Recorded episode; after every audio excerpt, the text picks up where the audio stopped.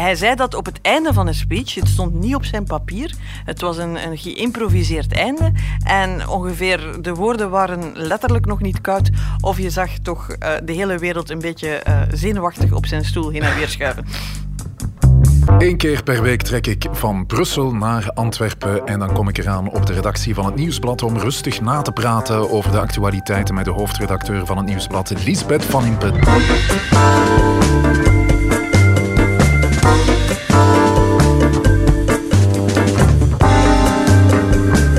Dag Lisbeth. Dag Jeroen. Ik ben Jeroen Roppe. Dit is het punt van Van Impe.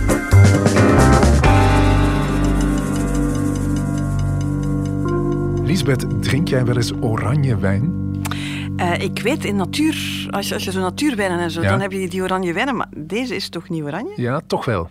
Het ah, is, dit is officieel oranje, uh, Ja, het gaat naar de gele kant, maar uh, toch wel heel donkergeel. Hè? Het is oranje wijn. In Brussel, Lisbeth, drinken ze dat al jaren. En ik heb me laten vertellen dat de oranje wijn nu ook in Antwerpen is doorgebroken. je doet alsof het nu zijn het laatste uitje in de broes is. Dat ze toch ook iets hebben leren kennen. Maar het klopt, ik kan je bevestigen dat ik het al in Antwerpen uh, gezien en gedronken heb. Ja, en wat vind je ervan? Ik vind het lekker. Uh, absoluut. Maar ik zie weer Urban Winery staan, dus ik denk dit komt weer van een plek waar ik geen wijngaarden verwacht. Het komt uit Brussel uh, van uh, Gudul, de Urban Winery. En weet je wat het is, oranjewijn? Weet je hoe je aan oranjewijn komt? Ik heb het geweten. Ik wil, de uit, ik wil de uitleg wel geven. Het is waarschijnlijk niet de meest wetenschappelijke, maar het is eigenlijk wijn gemaakt zoals witte wijn, maar dan met blauwe druiven. Terwijl rosé ah, bijvoorbeeld is wijn gemaakt zoals rode wijn, maar dan met groene druiven. Dat is uh, de uitleg, denk ik. Voilà.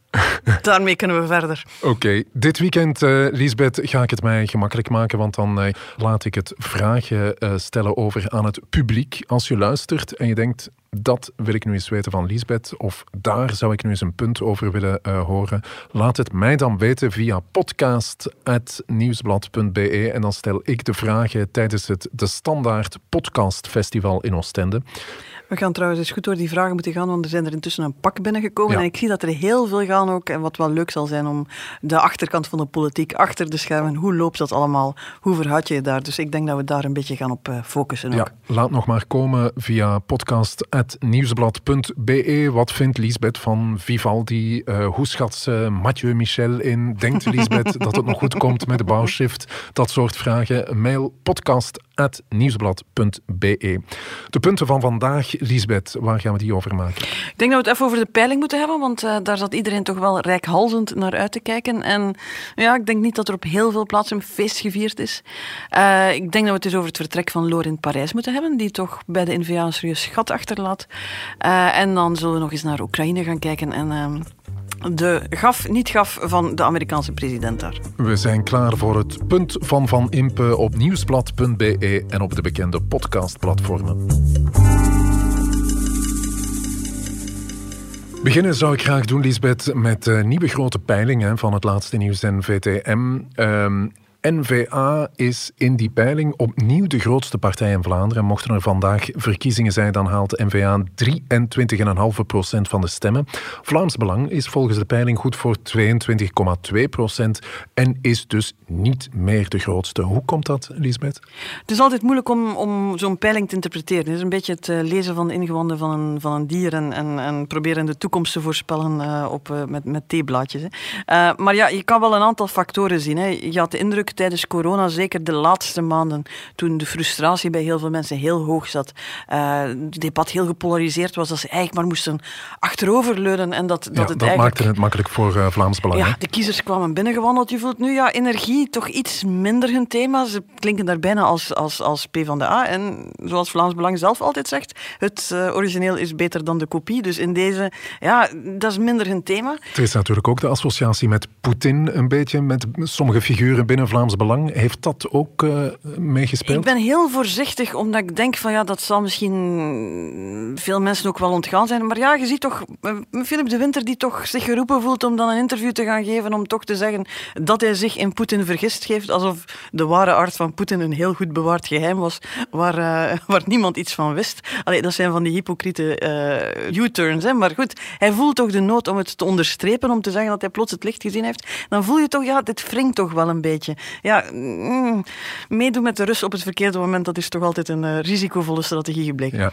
N-VA put natuurlijk moed uit uh, de peiling. Uh, Lisbeth, N-VA neemt de koppositie opnieuw in. Heeft dat ook te maken met het einde van die vervelende overlegcomité's en het einde van de strenge maatregelen? Je voelt, ze hebben daar wel een beetje een doorstart genomen. We hebben al een aantal dingen hier aangehaald de voorbije weken. Het idee van die Vlaamse regering die alleen maar oppositie voert tegen het federale en zelf niks klaarspeelt.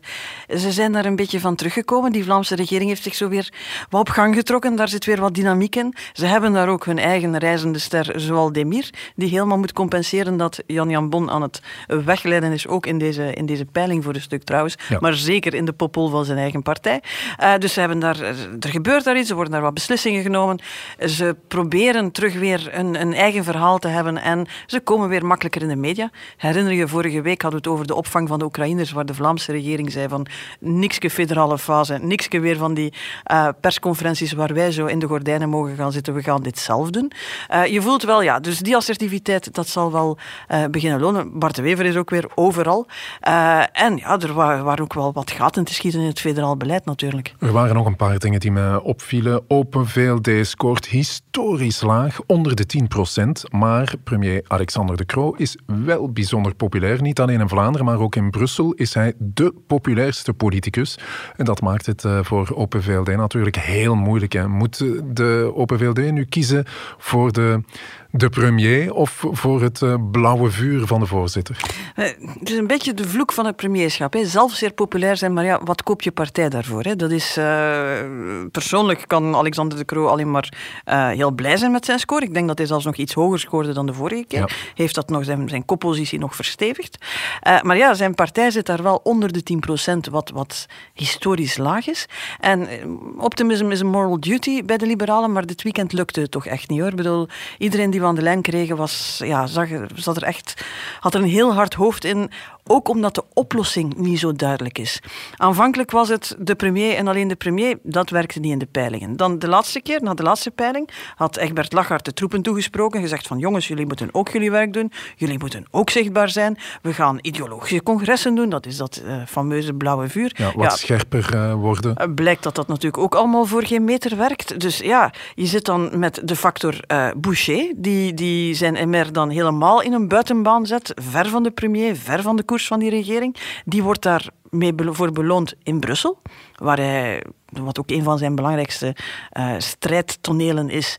Uh, maar ook in Vlaanderen voel je, ja, hij wordt daar populair mee, maar ja, voor, voor Egbert Lachart en, en, en, en de Croo is dat wel een die constant op hun grondgebied komt zeggen van als je nog eens een echte liberaal wilt zijn, kom kijken, kom kijken. Je ziet het in deze contraien niet zo vaak meer. Moeilijke keuze voor Open VLD, Lisbeth. Wat raad jij de partij aan? Ja, ik, ik, ik vraag me zelfs af, want je voelt dan, ze zitten te kijken van ja, de kopstukken en zichtbaarheid en, en, en moeten we een millimeter of een centimeter afstand met de regering pakken en eigen profiel. Je voelt tegelijk ook, dit zijn bijzonder moeilijke tijden voor een liberaal. Als ze die regering omarmen, en die werkt goed. Maar dan gaat hij, gaat toch heel veel dingen doen waar op zijn minst de PS kan mee leven. En ecolo en groen en noem maar op. Dus dat dat donker, donker, diep blauw zal zijn, het zal niet zijn.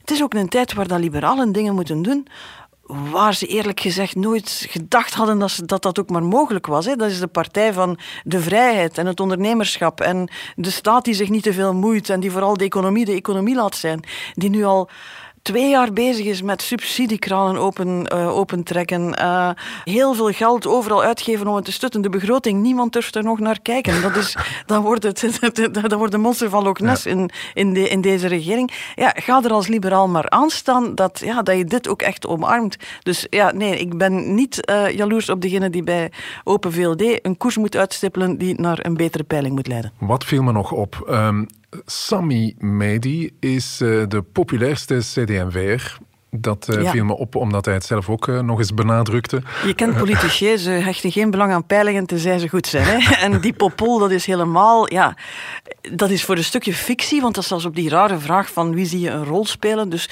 ja. gaat dat echt over populariteit? Maar ja, nee, als je over iemand springt, als je bovenaan staat, als je het goed doet, dat doet iets met de pikorde in een partij. Ja, want uh, Sami Medi die springt zomaar even over heel de krevits. En dat zijn veel bewegingen in één. Hè. Dat is Sami Medi die... Ja, en, en Krevits, dat, is, ja, dat zijn toch twee verschillende uithoeken van de partij. Um, Hilde Krevits is degene die Joachim Koens mee in het zadel geholpen heeft, tegen Sammy Medi in. Uh, dat is ook de Vlaamse flank Vlaamse regering versus de federale, regering. En we weten al lang dat daar een spreidstand zit. De federalen die zijn allemaal aan het groeien. Vincent van Petegem heeft gescoord met alles wat rond die energiefacturen uh, zat. Uh, Sami Medi staat daar nu als hoogst genoteerde CD&V'er. Dus die kunnen zeggen, kijk eens, wij zijn goed bezig. Maar als je naar de score van een partij kijkt, als je kijkt naar de score van hun kopstukken, dan zie je, ja, die zijn ook nog altijd met, met, die, met die ondergrens aan het flirten. En iedere keer als ze denken van, allee, we zijn een halve procent vooruit gegaan, feestje, uh, moeten ze hun apps maar open doen, de mentions maar open doen, en dan zien ze dat Wouter Beke weer eens een probleem heeft waarvoor hij naar het parlement wordt, moet, uh, en onder vuur ligt. Ja, want uh, wat was dat van de week? Wouter Beke deed daar een opvallende uitspraak in Humo. Ja, hij ging plots, dus mensen hebben recht op, op ouderschapsverlof en mogen dat vandaag opnemen tot het, het, kind, ze mogen dat spreiden, gespreid opnemen tot het kind 12 jaar is. Goed. Waterbeke zit met zijn gekend probleem van de kindercrèches, niet genoeg plaats, niet genoeg kwaliteit en had plots het lumineuze idee, als er nu eens gewoon minder kinderen in die crash zitten, dan uh, hebben, ja, kunnen we dat daar beter doen. Uh, dus zijn oplossing, zorg dat mensen in de eerste jaren dat uh, ouderschapsverlof opnemen en dus hun kinderen thuis blijven voor de kinderen. Een oplossing die helemaal ingaat tegen het standpunt van de partij. Die waren net bezig met een standpunt waar hij van af wist om het te verlengen naar 18 jaar, om mensen nog meer vrijheid te geven. Dus ook, je moet je voorstellen, CD&V die al zo in de problemen zit, waar ze in de grote grabbelton der uh, thema's denken van, goh, het gezin, dat is er nog eentje dat, dat op ons plakt, dat is van ons. En dan krijg je dus een voorstel dat eerst ervoor zorgt dat uh, heel veel ouders, denk ik, op een achterste poten staan. Alle organisaties die ook maar van ver of van dicht iets met het gezin en gezinsbeleid en uh, opvoedingsondersteuning te maken hebben, zeggen bijzonder slecht plan. En waar finaal zelfs de voorzitter een opiniestuk schrijft waarin hij dus ja, lijnrecht ingaat tegen zijn minister. Uh, dat gebeurt niet zo heel vaak. In dit geval zit je dus met de aangeschoten voorzitter die de aangeschoten minister terugfluit op een, binnen een aangeschoten partij op een van haar core thema's. Ik bedoel, uh, deze kelk wordt, moet blijkbaar echt tot, tot op de bodem geledigd worden. En je voelt, de Popol zal daar niet aan geholpen hebben. De splijtswam, die, die federale ministers versus die Vlaamse, die fracties ook, die uh, argwanend naar elkaar kijken. En ja, dat soort verdeeldheid is dan nu echt wel het laatste dat ze nodig hebben. Er zijn nu een paar partijen de revue gepasseerd. Lisbeth, over welke partij maken we een punt?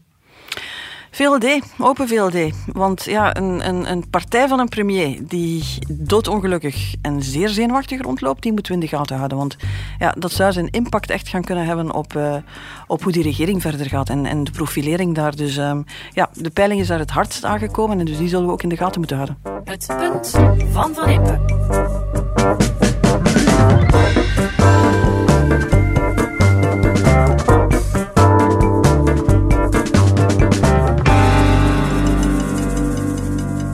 Voetbal is niet alleen een mooie sport, maar ik heb echt wel de ambitie om die als sport te doen groeien, uh, maar ook als uh, maatschappelijke motor en als uh, economische sector.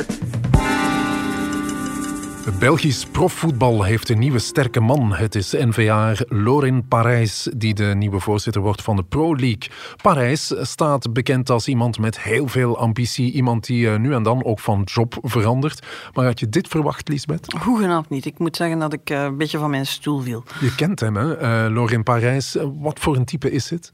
Ambitieus is, uh, ja, dan moet je dus een paar keer naar elkaar zeggen en dan heb je het ongeveer gevat, denk ik. Uh, altijd geweest. Uh, ik ken hem nog van in onze studententijd, kruisten we elkaar wel eens van ver. Eh, ik heb hem altijd als heel ambitieus ge geweten. In de politiek, maar evengoed erbuiten. En een, een, medewerker van ons in de regio, die stuurde, stuurde gisteren een foto door toen het nieuws uitlekte. Um, van de zeer, zeer, zeer jonge Lorin Parijs. die 13 jaar was en tot op het kabinet van uh, Johan Saus geraakt was. op de foto. Uh, ja, omdat ja. hij wou klagen over de afwezigheid van, over de fietsroute naar school. Dat was hij van het Leuvense. Um, hij heeft toen de minister zelfs op de fiets gekregen om met eigen ogen te gaan vaststellen dat het allemaal op niks trok.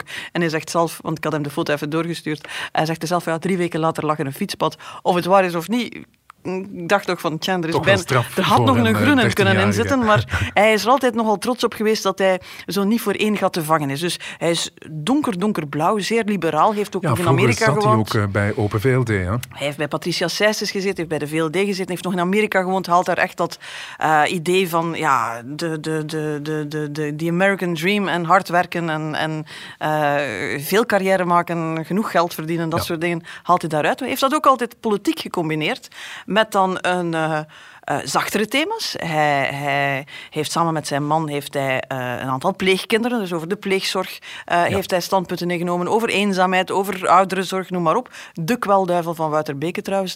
Ehm, dus die zachtere thema's. En dat dan is gecombineerd met een... Dus eigenlijk de, de, de anoniemste machtige NVA eigenlijk. Dus hij staat eigenlijk heel erg hoog in de pikorde en toch zullen nog veel mensen gedacht hebben, Loren wie? Ja, burgemeester van Leuven worden, dat eh, lukte niet. Minister worden, dat eh, lukte niet. Partijvoorzitter, dat eh, zat er ook niet Ze zeiden meteen ook in. hij wil ook niet de prins Charles worden van Bart de Wever, die nog 27 levens als voorzitter heeft waarschijnlijk. Maar je voelt, je zat, hij zat daar een beetje vast. Hè. Ja, in, in Leuven is, is Mohamed Ridouani vertrokken. Dat zou nog wel even kunnen duren. Ehm, in Vlaams-Brabant heeft N-VA twee ministers met Theo Franken en Ben Wijts. Hij weet dat hij daar altijd op de derde plaats komt, wat dus niet goed genoeg is. En voorzitter worden... ja. Ja, daar hoorden we toch ook nog wel van, ja, Loren wordt gewaardeerd. Loren heeft een grote achterban in de partij, maar als puntje bij paaltje komt, zijn ze toch niet vergeten dat hij eigenlijk een liberaal was en geen stamboeknationalist.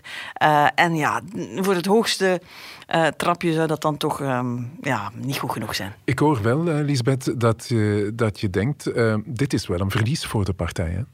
Dit is een verlies voor de partij. Je zit er met een, een, een, een, zichtbaar parlementslid, iemand die op een aantal cruciale, zachtere thema's een stem is. Dat is een verlies. Ik denk dat het nog veel uitgesprokener een verlies is voor, eh, voor, voor Bart de Wever. Hij zei ook dat hij er emotioneel van was, dat hij er nog had proberen op inpraten, maar dat het duidelijk eh, de geen zin meer had. had veel aan eh, Parijs. Hè?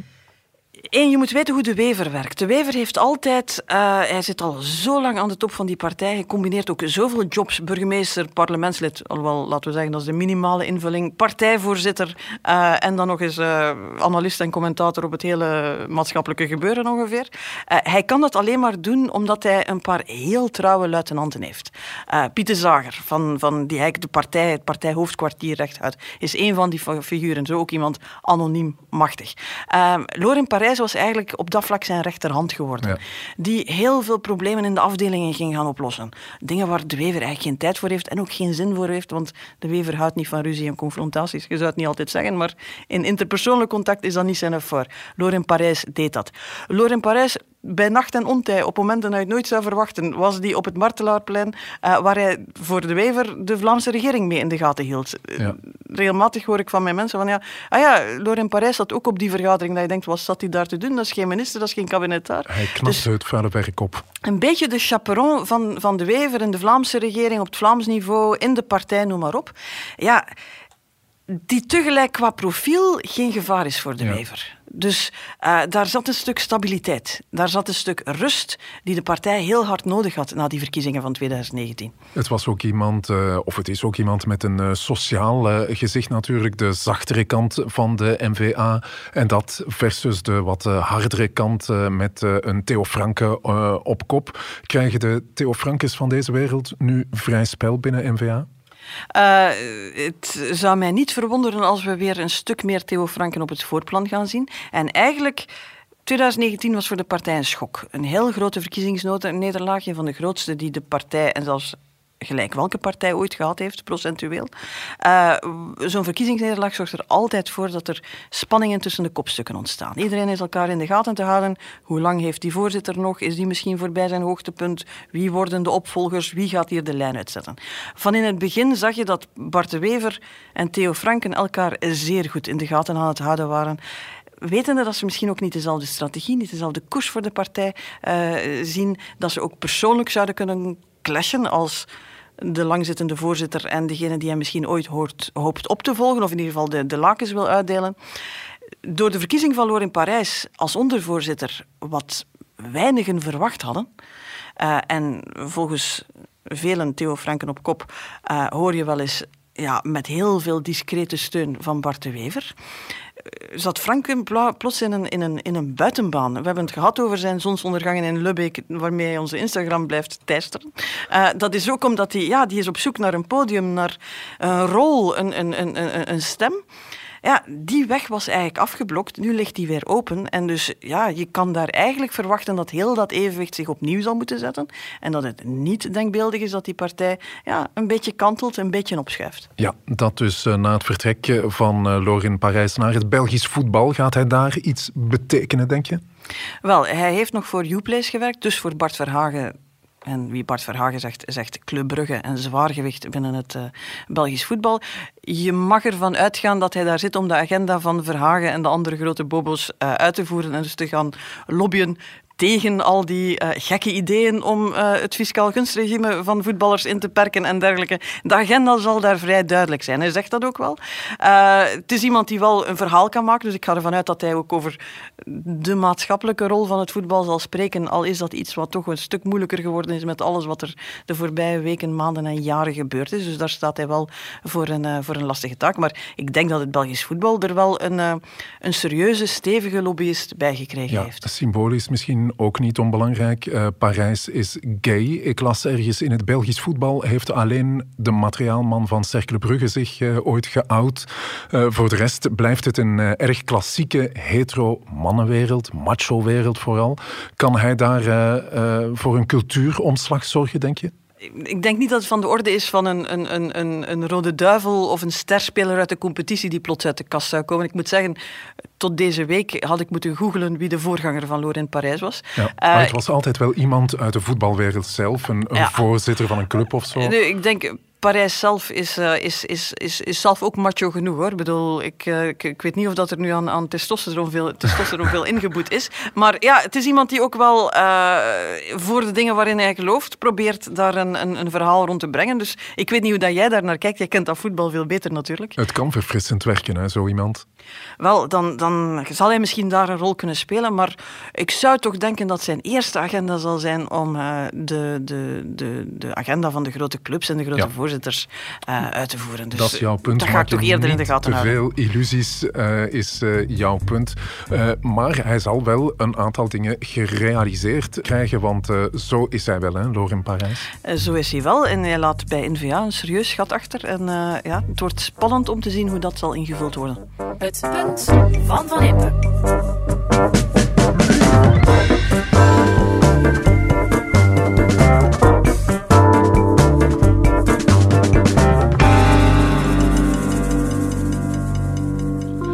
Expressing the moral outrage that I feel, and I make no apologies for it. Je hoorde de Amerikaanse president Joe Biden, die neemt niks terug van wat hij zei over Poetin, de president van Rusland. Hij noemde Poetin een slachter, iemand die niet aan de macht kan blijven.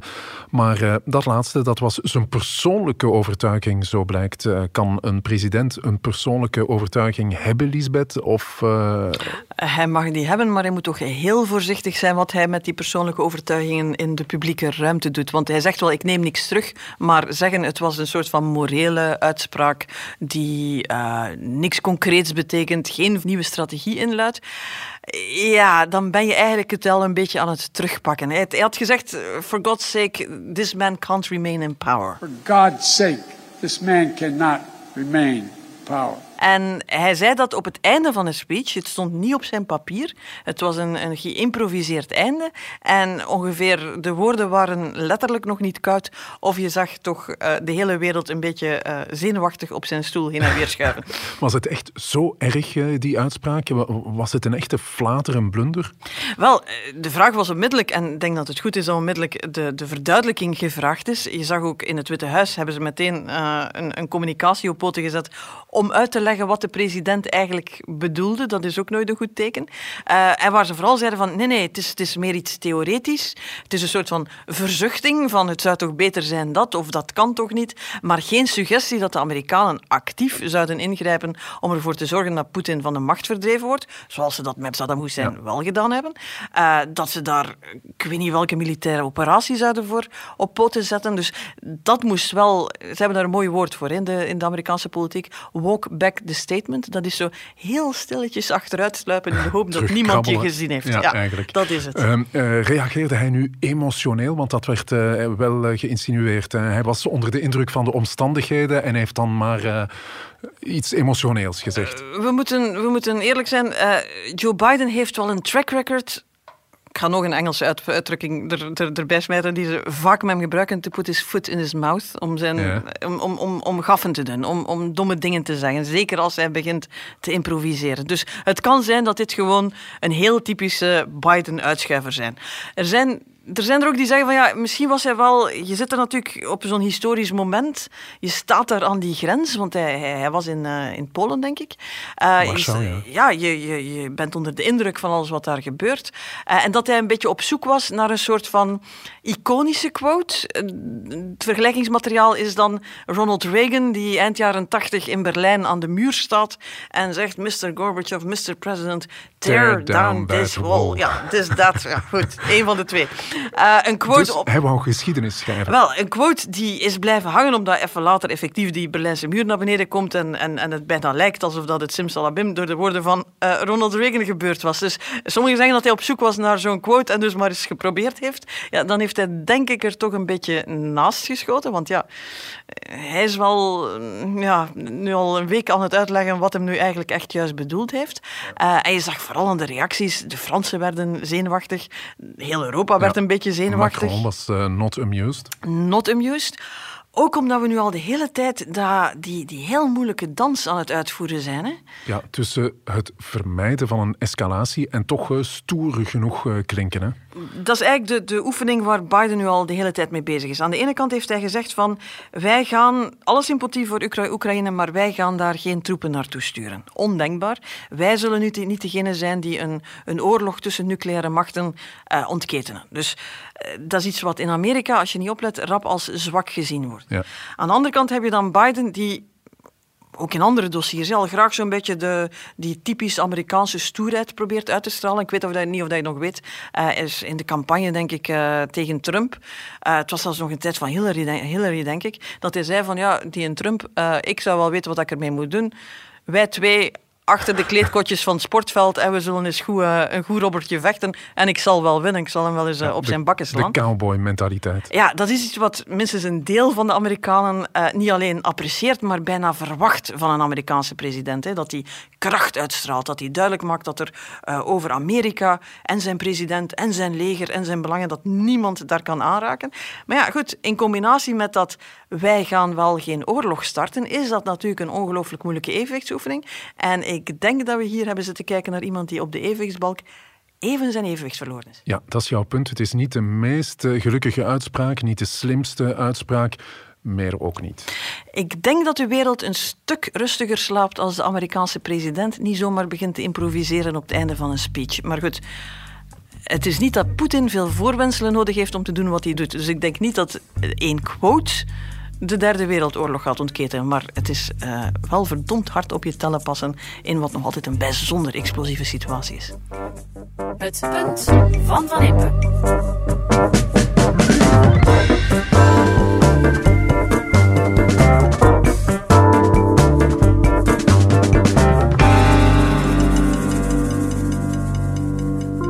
Punten zijn gemaakt en we hebben het eh, niet eens, Lisbeth, over de Oscar-uitreiking gehad. Heb je gekeken? Ik heb niet gekeken, maar het stukje dat iedereen eh, moet gezien hebben, heb ik zoals de rest van de wereld al een paar keer op repeat gezien. En ja. dat stukje was natuurlijk Will Smith, de bekende acteur die een map verkocht aan Chris Rock, die andere bekende acteur, comedian eh, eigenlijk. Ehm, wat vond je ervan of wat dacht je toen je het zag? Mijn eerste reactie was dezelfde als ongeveer heel die zaal, waar we intussen, denk ik, van elke celebrity de foto gezien hebben met de openvallende mond, de opengesperde ogen van wat gebeurt hier? Je had er mij gewoon kunnen tussen monteren. Dit is, ja, dit is zo onverwacht en, en ja, Niemand die reageerde eigenlijk. hè? Niemand dat, vond ik, dat reageerde. vond ik eigenlijk heel straf, want eh, Will Smith is later nog zijn eh, Oscar gewoon in ontvangst gaan nemen. En het is duidelijk dat niemand eigenlijk wist eh, hoe daar moest mee omgegaan worden. Ehm, je zit er meteen ook met de vraag, het eerste debat dat we met z'n allen gevoerd hebben, teken destijds, was dit echt of was dit gescript? Dus je zit meteen met die twijfel van, zitten we naar een toneelstukje te kijken of, eh, of niet? Ehm, Dus ja, goed, het, het, het blijft een, een, compleet krankzinnig moment. En daarna natuurlijk meteen het gepolariseerde debat hè, van mogen comedians over alles uh, moppen maken? En als een mopje niet aanstaat, mag je dan een map verkopen? Chris Rock maakte een mop over... Um de vrouw van uh, Will Smith, die aan haarverlies uh, leidt. En uh, dat was toch niet echt fraai. Hè? Ik een beetje ongepast, toch? Ik vond het geen goede mop. nu, dan denk ik bij een slechte mop, daar kan je boe naar roepen. Daar kan je met je rug naar het podium gaan staan. Je kan vertrekken. Dit zijn ook mensen die toegang hebben tot iedere microfoon ter wereld om daar een splijtend commentaar op te geven, achteraf en voor de rest van hun leven. Um, ik ben daar nogal van de school van Ricky Gervais, die ooit regelmatig de Golden Globes gehost heeft, daar ook vreselijk harde moppen gemaakt heeft en altijd zei van jongens, jullie zijn miljonairs, jullie zitten hier samen in deze zaal, jullie gaan straks allemaal met jullie privéjets naar huis en ik ga met jullie lachen. Het zijn maar moppen. dus... Um, ja, ik weet dat het, het wordt een steeds moeilijker te verdedigen standpunt. Hè? Dus ik vind, je mag alles zeggen over slechte moppen en noem maar op.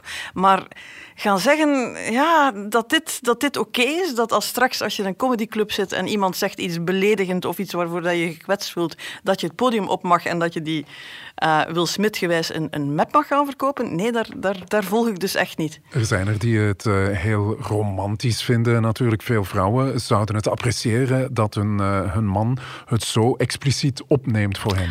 Soms denk ik van, we hebben toch altijd nostalgie naar de verkeerde dingen uit de geschiedenis. Dat je een man die zijn vrouw verdedigt, ik denk trouwens dat dit een vrouw is die ook zichzelf heel hard kan verdedigen. Dus ik weet niet of dat ze het heel hard nodig had.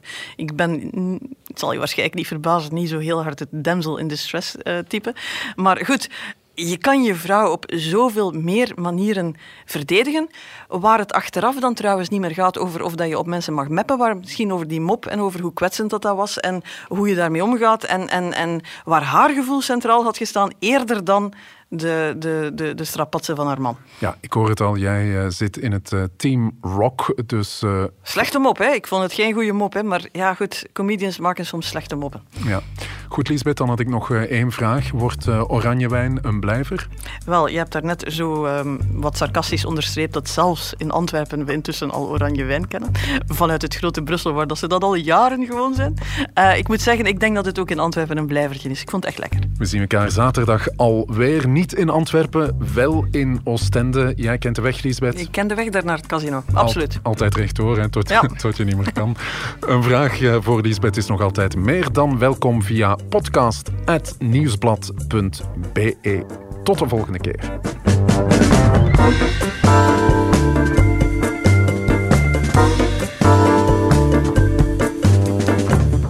Het Punt van Van Impe, een podcast van het Nieuwsblad. Je hoorde de stemmen van hoofdredacteur Liesbeth Van Impe en van mezelf, Jeroen Roppe. Dank aan Pieter Schrevers voor de muziek en aan Pieter Santens van House of Media voor de montage. De productie was in handen van Eva Michom en Bert Heijvaart. Tot het volgende Punt van Van Impe.